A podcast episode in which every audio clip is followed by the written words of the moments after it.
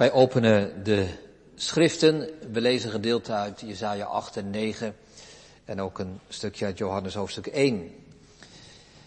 Jesaja 8 vers 23. Daar begint de eerste schriftlezing en we lezen door tot hoofdstuk 9 vers 6. Dit is een beetje een aparte indeling in hoofdstukken moet ik zeggen. Vers 23 had beter bij hoofdstuk 9 kunnen passen.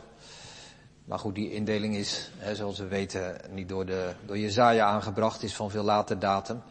Dus het tekstgedeelte begint bij hoofdstuk 8, vers 23. En dan lezen we door tot en met 9, vers 6. En vervolgens lezen we uit Johannes 1, vers 1 tot en met 9.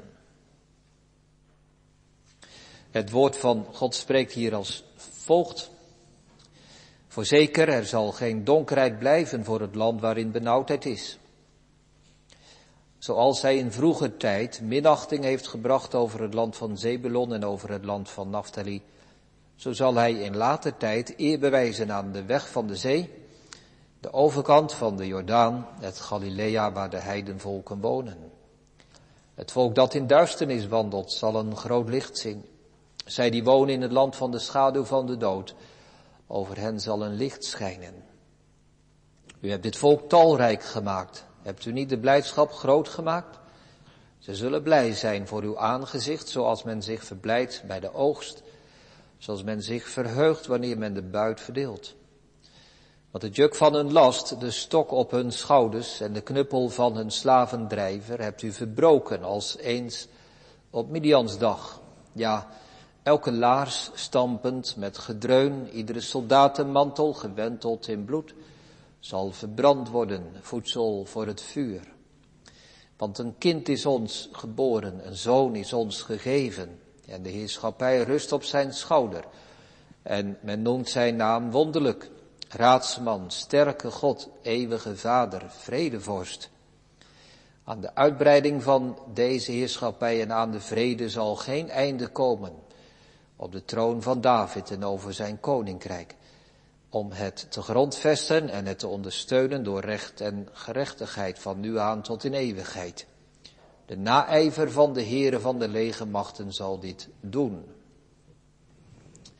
Aansluitend dus Johannes 1 vers 1 tot en met 9.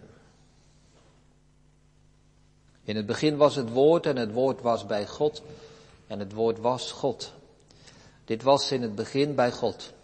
Alle dingen zijn door het woord gemaakt en zonder dit woord is geen ding gemaakt dat gemaakt is. In het woord was het leven en het leven was het licht van de mensen. En het licht schijnt in de duisternis.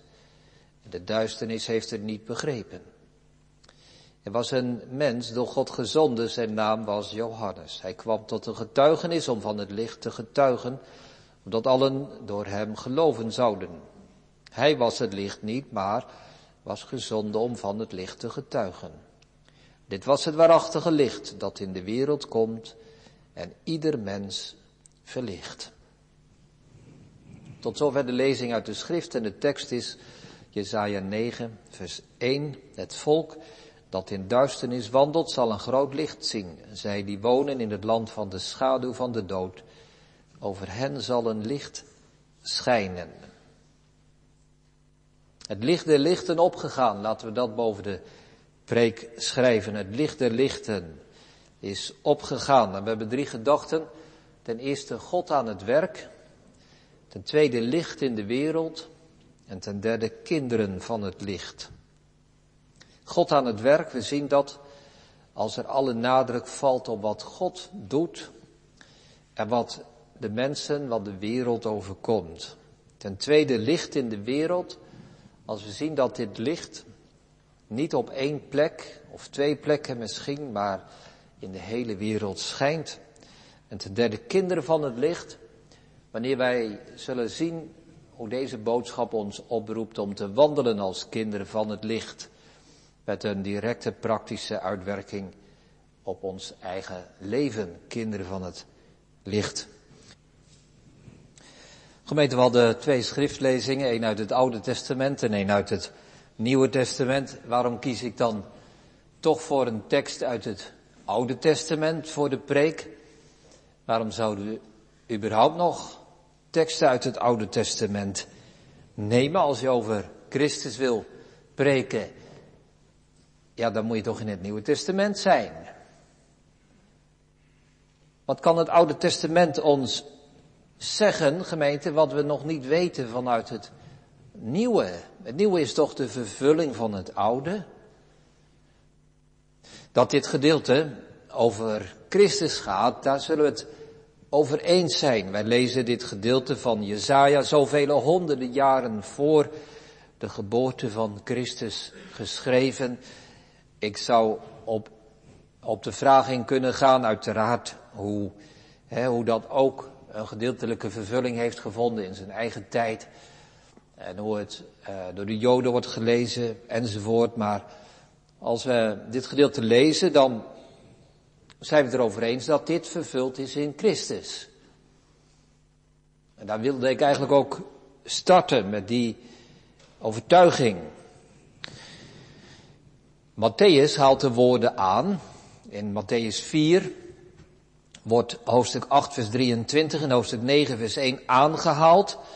En hij zegt daar, dit is in vervulling gegaan toen Jezus begon te prediken in het land van Galilea. Galilea de heidenen. Daar vindt het zijn vervulling. En als we vers 5 lezen, een kind is ons geboren, een zoon is ons gegeven, de heerschappij rust op zijn schouders. Men noemt zijn naam wonderlijk, raadsman, sterke God, eeuwige vader. Dat, dat gaat niet over een gewoon mens. Dit, dit moet wel over Jezus gaan, God en mens, beide.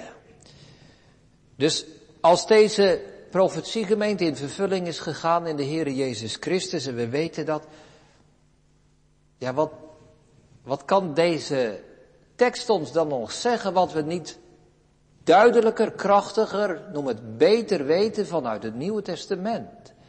Of hebt u, heb jij die vraag nooit?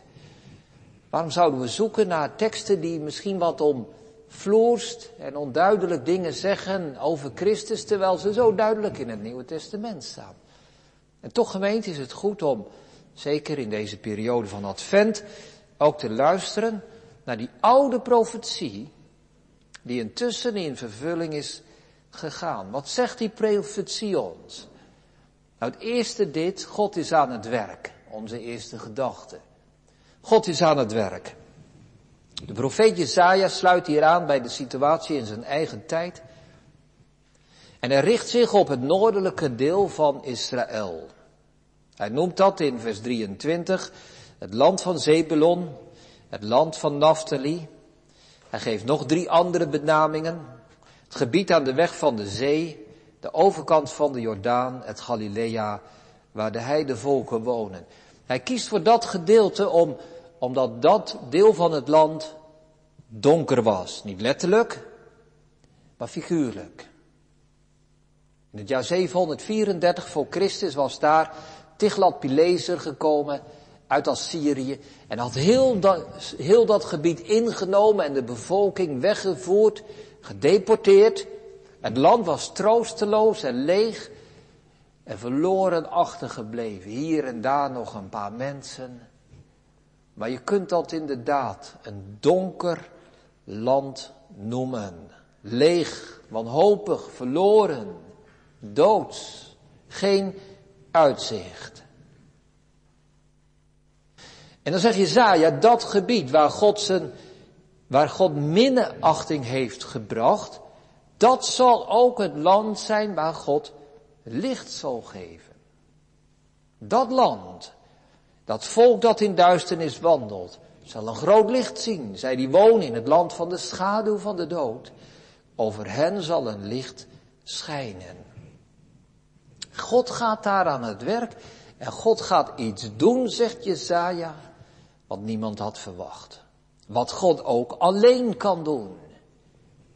Zo eindigde dat gedeelte dat we lazen uit, uit Jezaja 9 de ijver, de naijver van de Heer van de legermachten zal het doen.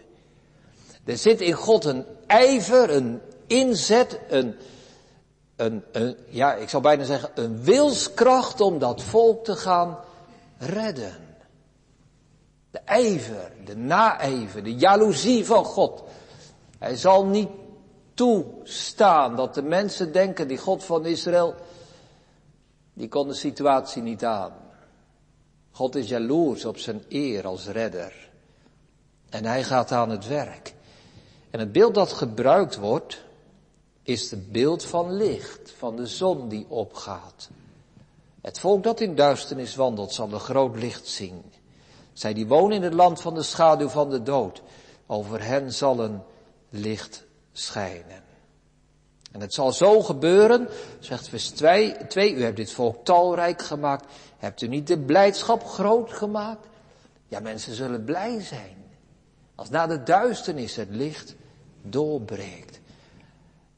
Die beeldspraakgemeente laat ons zien dat God aan het werk is, zoals geen mens dat kan. Wij kunnen de zon niet op laten komen, we kunnen de zon niet tegenhouden, we kunnen hem niet eerder of later laten gebeuren. Dat is, ja, dat is het werk van God. God doet de zon opgaan over boze en goede. Nou, dat beeld wordt hier gebruikt voor de komst van de zaligmaker.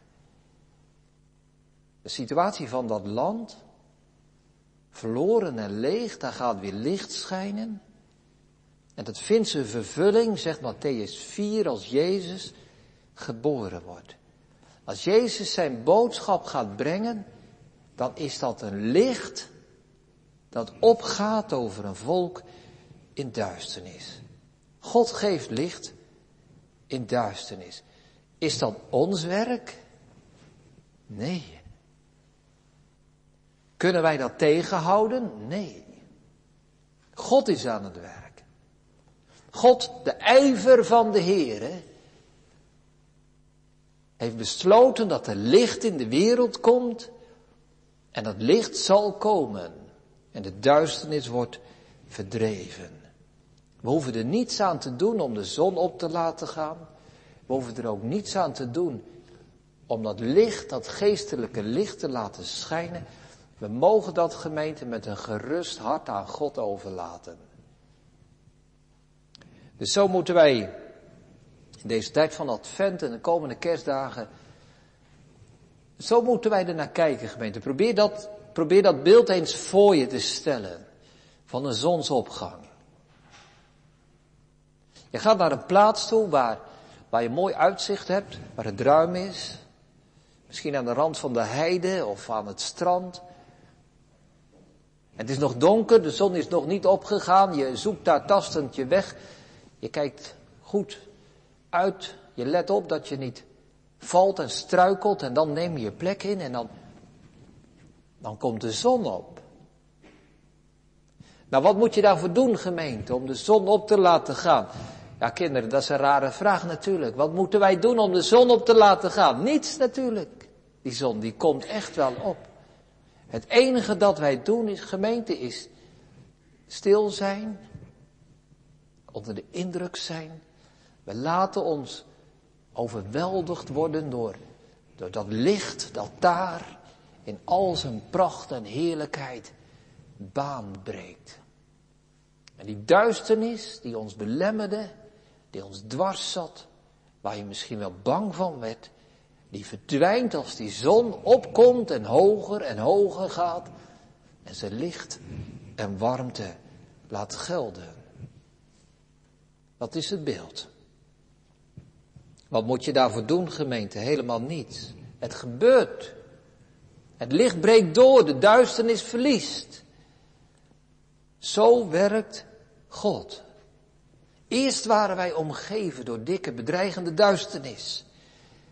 Maar nu stralen de, warme, de warmte van de zon. Zo is het met het evangelie. Wat moeten wij doen, gemeente, om zalig te worden? Wij hoeven niks te doen. Wij hoeven niks te doen. God is aan het werk. God doet dat. God laat die zon opgaan. God strooit met het licht. God strooit met de warmte. Jezaja vult dat aan met nog twee beeldspraken.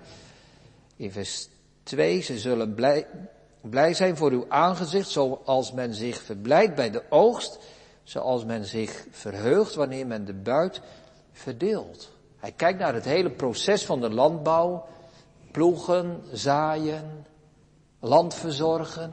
En tenslotte, het mooiste deel, de oogst. Hij maakt nog een tweede vergelijking met het oorlogsgeweld, vechten, strijden, bloeden misschien wel en uiteindelijk de overwinning met de buit. En hij zegt van die twee processen, zeg maar, mogen wij alleen het laatste doen, ontvangen. Wij mogen de oogst binnenhalen, wij mogen de buit ontvangen. En die moeilijke strijd en dat zaaien met tranen, dat hoeven wij niet te doen, dat doet God voor ons. En voor ons valt de overvloed van de buit en de rijkdom van de oogst in handen. Zo werkt God. Laten we daar gemeente in deze dagen alle nadruk maar op laten vallen. Het is Gods verlangen, het is de ijver van de Here, het is de inspanning van God om zaligheid aan deze wereld te geven. Dus wij lezen een oude profetie van Jezaja. En wij beseffen hoe eenvoudig het is om gered te worden. Want God is aan het werk. God heeft besloten om dat te doen. Wij kunnen niet bespoedigen, maar als het licht komt en doorbreekt, is er ook niemand die God tegenhoudt. Tweede gedachte, licht in de wereld. Bij welke mensen komt dit licht nu naar voren? Welke mensen zien dat licht opgaan? Waar schijnt het? Nou zegt iemand, dat staat er. Het wordt toch een bepaald land genoemd, dat land van Zebulon, het land van Naphtali. Dat gebied daar, zei u, in het noorden van Israël, langs de weg van de zee, zo heette de grote doorgaande reizigersweg. De overkant van de Jordaan, het Galilea, waar de heidevolken wonen. Ja, daar, daar gebeurt dat. Het volk dat in duisternis wandelt, zal een groot licht zien. Zij die wonen in het land van de schaduw van de dood, over hen zal een licht schijnen. Dus, dus niet iedereen. En als dit nu een beeld is van het evangelie, dan betekent dat dus dat het evangelie niet overal schijnt. Tenminste, dat kan ik me voorstellen dat iemand zo leest, zo denkt. En dan trekken we die lijn door en dan zeggen we, ja, wanneer, wanneer geldt dat nu voor mij? Dat dat licht doorbreekt. Dat die zon opgaat in mijn leven. Misschien zegt iemand wel, dat is nog niet gebeurd bij mij. Ik leef nog in het duister. Ik heb dat licht niet. Die zon der gerechtigheid, die schijnt nog niet in mijn leven. Ik bid erom. Ik vraag erom. Ik verlang ernaar dat dat gebeurt. Maar het is nog niet zo ver. Of misschien zegt iemand het wel zo, ja, het moet in mijn leven nog worden, nog worden toegepast. Ik kan wel zeggen, ja, ieder mens hoort bij dat volk in de duisternis. Ieder mens woont in het land van de schaduw van de dood, maar, maar ja, je moet dat toch wel, je moet dat toch wel ervaren en beseffen. En dan gaat dit hopelijk gebeuren. Ik begrijp de vragen, natuurlijk gemeente. En toch, als we zo dit gedeelte zouden lezen, doen we Jezaja geen recht en doen we het woord van God geen recht. Luther zegt terecht in zijn uitleg van dit hoofdstuk, dat het niet om twee volken gaat, waar, ja, hier breekt wel de zon door en, en daar niet. Dat zou ook wel een beetje raar zijn natuurlijk. Als de zon opgaat, gaat die op over iedereen. Nee, als dit gedeelte wordt genoemd, dat noordelijke deel van Israël als beeld, dan is dat omdat daar de meest hopeloze situatie te vinden was. De mensen weggevoerd, het land leeg en verlaten, een paar arme boertjes achtergebleven, die probeerden nog iets te oogsten, maar het was er allemaal zeer mistroostig en duister. Dus zegt Jezaja, zelfs daar gaat het licht op. Zelfs daar breekt het licht door. Zelfs die mensen zien de zon. En daarom moeten we dit breder trekken, gemeente. Wat hier geschetst wordt, is niet een beeld voor een paar mensen, maar dit geldt voor de hele wereld. Dus daarom heb ik die tweede gedachte zo genoemd, licht in de wereld. Die zon gaat op voor iedereen.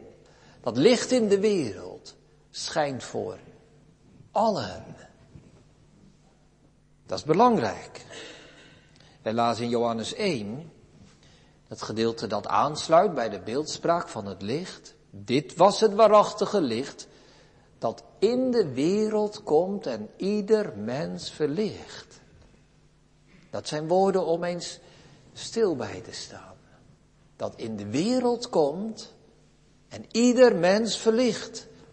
De lofzang van Simeon hebben wij gezongen. Een licht zo groot, zo schoon, gedaald van hemels troon, schijnt volk bij volk in de ogen. En die lofzang van Zacharias. Voor elk die in het duister dwaalt, verstrekt deze zon een helder licht. De Heer Jezus heeft het ronduit gezegd. Ik ben het licht van de wereld. Van de wereld. Dus zo moeten wij dit lezen, gemeente. Dit licht schijnt in de wereld. En Luther zegt daarvan terecht, dat licht is niet zozeer de geboorte van de Heer Jezus, maar is zijn prediking. Ik kan me voorstellen dat iemand zegt, nou, uh, is dat nou weer echt zo'n theologenonderscheid? Wat voor, wat voor verschil maakt dat nu uit? Nou, toch is dat zo gemeente. De geboorte van de Heer Jezus was onopvallend, onaanzienlijk, veracht. We zien het ook letterlijk terug in, in Lucas 2, die eerste zeven versen. Als daar beschreven wordt hoe Jezus geboren is. En Maria legt hem neer in de kribbe. Wat gebeurt er dan? Niets. Wordt het licht? Nee. Dat licht breekt door als we verder lezen.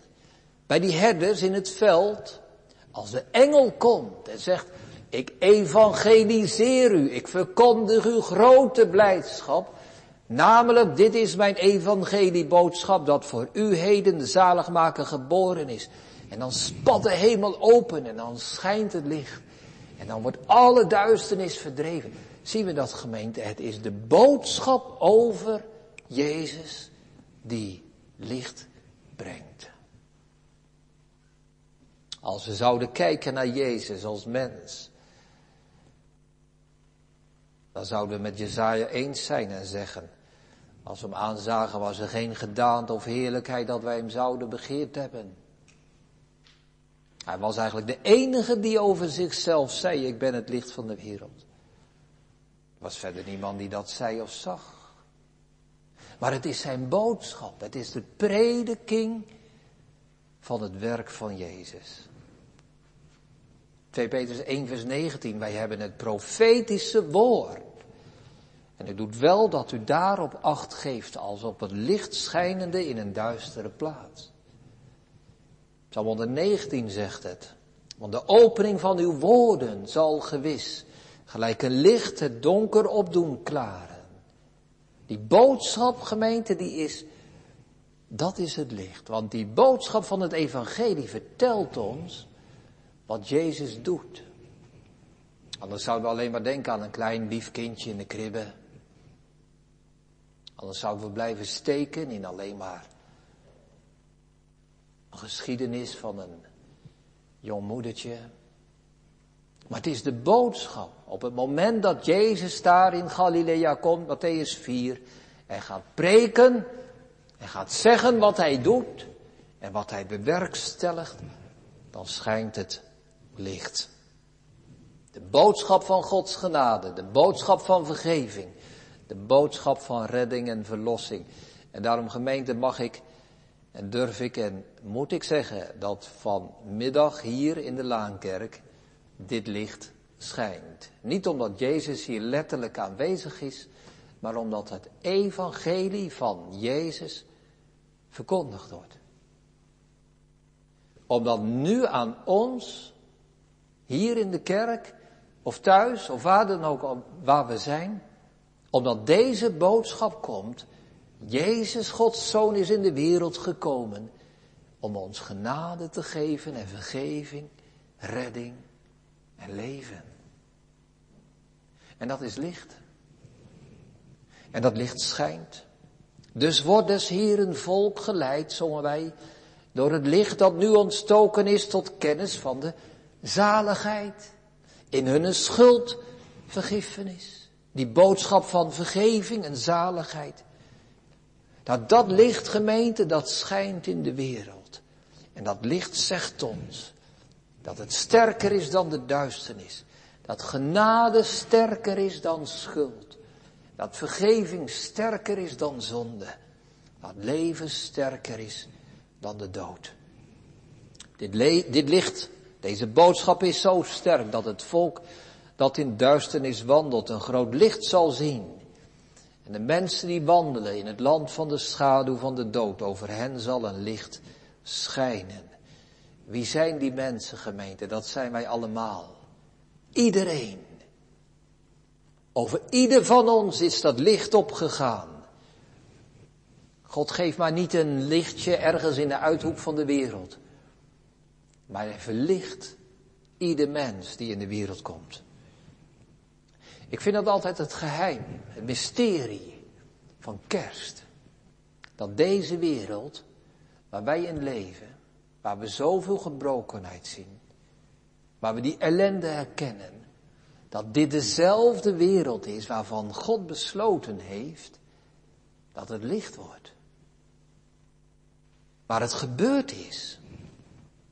Dat God zijn zoon gaf. Dat het evangelie hier klinkt. Licht in de gehele wereld. En daarom gemeente, ik had, ik had die vraag gesteld hè, aan het begin. Wat heeft het nou voor zin? Om die oude profetie te lezen.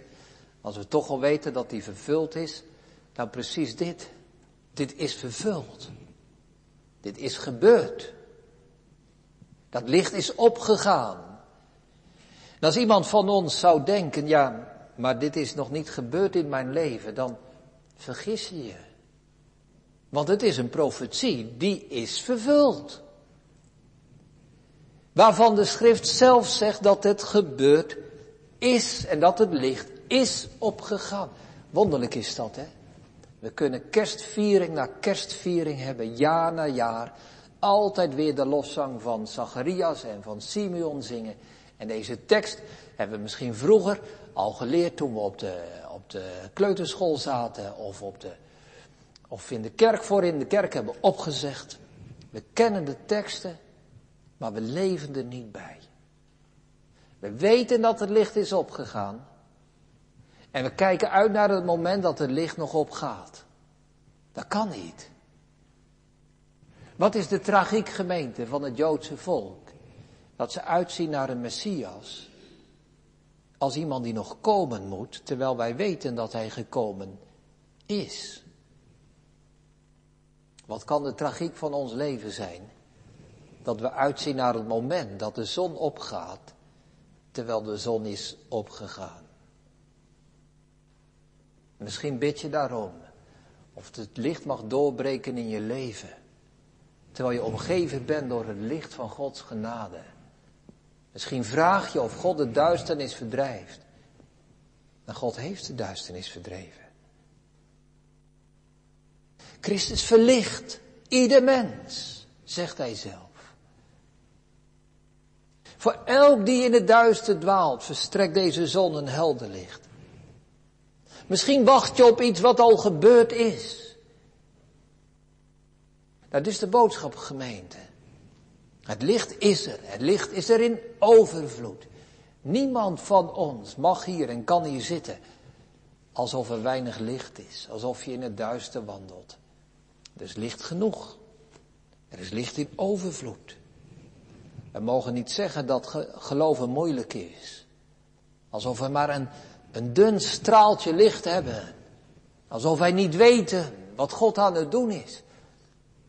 Hij heeft zijn zoon gegeven. Hij heeft de zon laten opgaan. En het schijnt over ons in brede bundels licht. En we mogen ervan weten en horen elke keer weer. Zo komen we bij onze derde gedachte, kinderen van het licht. Ik kan me voorstellen, gemeente, ik heb die vragen zelf ook hoor. Dat je denkt, ja maar, dat is toch allemaal wel te makkelijk. We kunnen toch duisternis ervaren. En de wereld is toch donker. En er is zoveel gebrokenheid. En dood en zonde en wanhoop. Is alles wat u zegt, dominee, niet eigenlijk een bewijs ervan dat, ja, is Jezus eigenlijk wel dat licht der wereld? Nou, ik zal het niet ontkennen, gemeente, dat er veel duisternis is.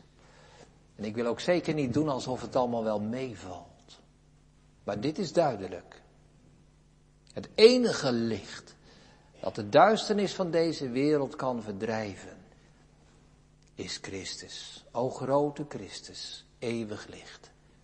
Hij alleen kan deze duisternis aan. Het licht van het evangelie schijnt. En wanneer zijn wij dan kinderen van het licht, gemeente? Dat is de derde gedachte. Dat is de vraag die we aan onszelf en aan elkaar stellen. Wanneer ben ik nu een kind van het licht? Wanneer wandel ik als een kind van het licht? De uitdrukking die Paulus gebruikt in Efeze 5, vers 8. Wandel als kinderen van het licht. Wat wil het zeggen, gemeente, om deze kerstboodschappen, deze adventsboodschap, deze vervulde profetie te geloven? Nou, dit is geloven. Als ik geloof dat dit licht van Christus mijn duisternis verdrijft, mijn dood wegneemt en leven geeft, mijn zonde, mijn gebrokenheid, mijn schuld opheft en uitwist en licht geeft en genade en vergeving. Dus gemeente, dat is geloof. Niet alleen in het algemeen, hè, er is wel licht. Maar dat ik geloof dat dit licht mijn duisternis verdrijft. Dat woordje mijn, dat is geloof. Zonder dat woordje voor mij is er geen geloof. Als ik dat geloof, als ik dat geloof, gemeente, dan ben ik een kind van het licht. Dus dat, laat ik daar wat over zeggen, hè, die, die uitdrukking, wandel als kinderen van het licht. We kunnen daar we kunnen daar een verkeerde gedachte bij hebben. Er is zo'n gezang. Ik wandel in het licht met Jezus. Nou, als je, als je het kent, als je het luistert, heeft het ook een beetje zo'n zo'n swingend liedje, zeg maar. Dat je denkt, oh, is dat dan een christelijke leven? Alle duisternis is voorbij. We gaan vrolijk door het leven. Ik wandel in het licht met Jezus. Het is nooit meer nacht. Het is altijd licht. Ik denk dat ik dan geen kind zou zijn die wandelt in het licht. Alsof er geen duisternis is en geen moeilijkheid en geen depressie. Maar wat dan wel, gemeente? Als ik geloof dat dit licht van Christus de duisternis zal overwinnen en eenmaal alle duisternis verdreven zal hebben. Ja, dus, dus geloof en hoop schuiven hier als het ware in elkaar. Ik geloof in het licht. Als mijn hoop gericht is op de toekomst, en de schemering voorbij is. En de nacht voorbij is. En de duisternis weg is.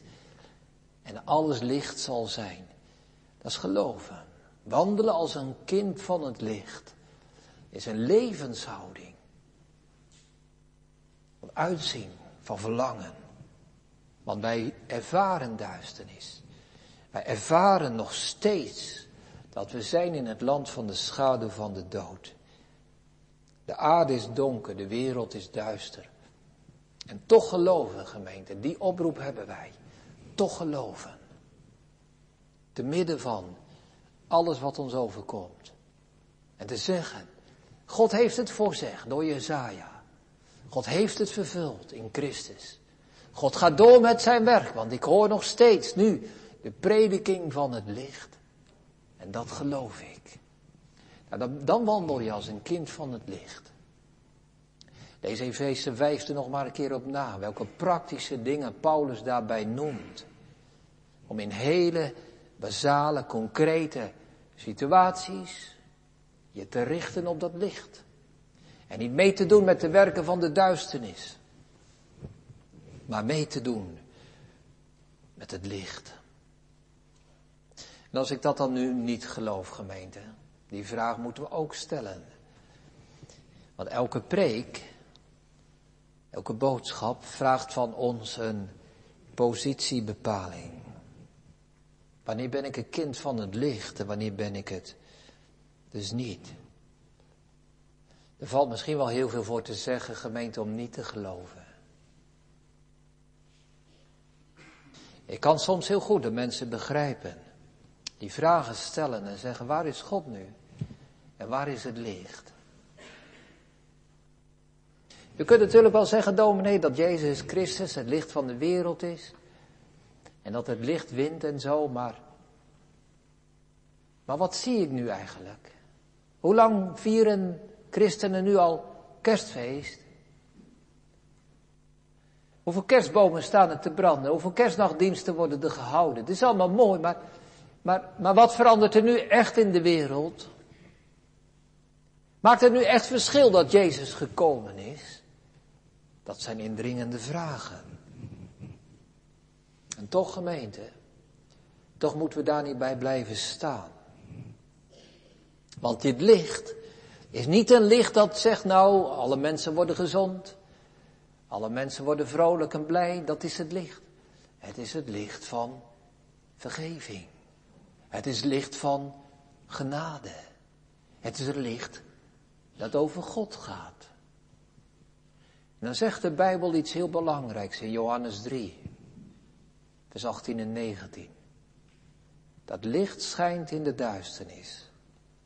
Dit is het oordeel dat het licht in de wereld gekomen is en de mensen hebben de duisternis lief gehad, meer dan het licht, want hun werken waren slecht. Want ieder die kwaad doet, haat het licht en komt tot het licht niet, opdat zijn werken niet ontmaskerd worden. Dus gemeente, het probleem van ons en van deze wereld is echt niet dat er te weinig licht is. Maar het probleem is dat wij het licht niet willen. Het probleem is niet dat er geen zon is. Maar het probleem is dat wij de zon haten. En het licht niet willen. En de duisternis liefhebben. Dat is het woord van deze middag. Wat doen wij gemeente?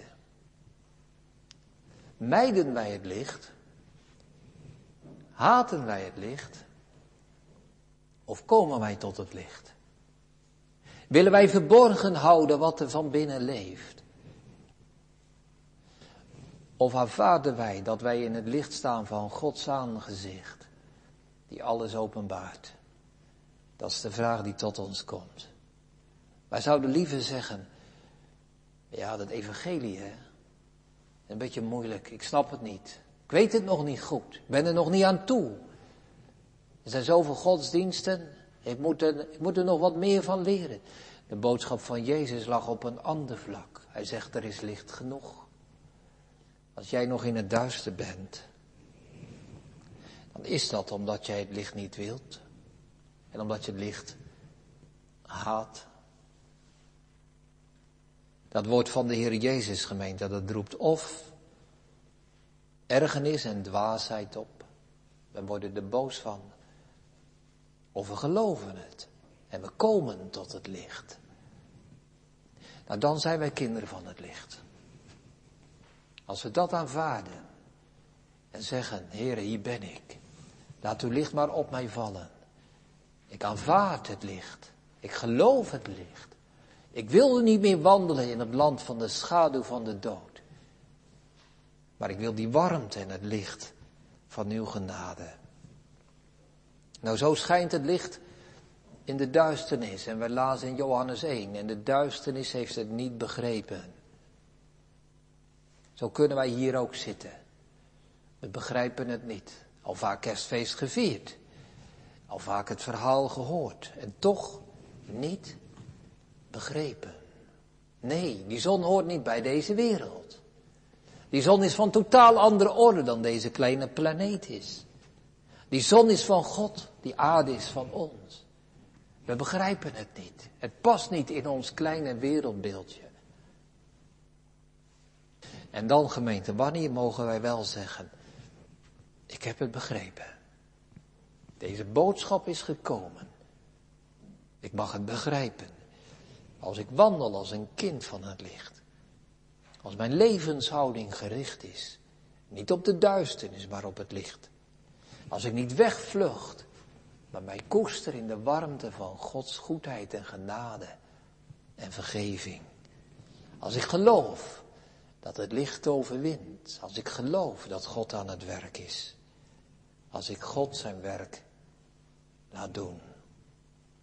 Te midden van de nacht des doods. Zijt gij, mijn zon, verrezen. O zonlicht mild en mateloos, uw gloed heeft mij genezen. O zon die door het donker breekt, het ware licht in mij ontsteekt. Hoe heerlijk zijn uw stralen. Amen.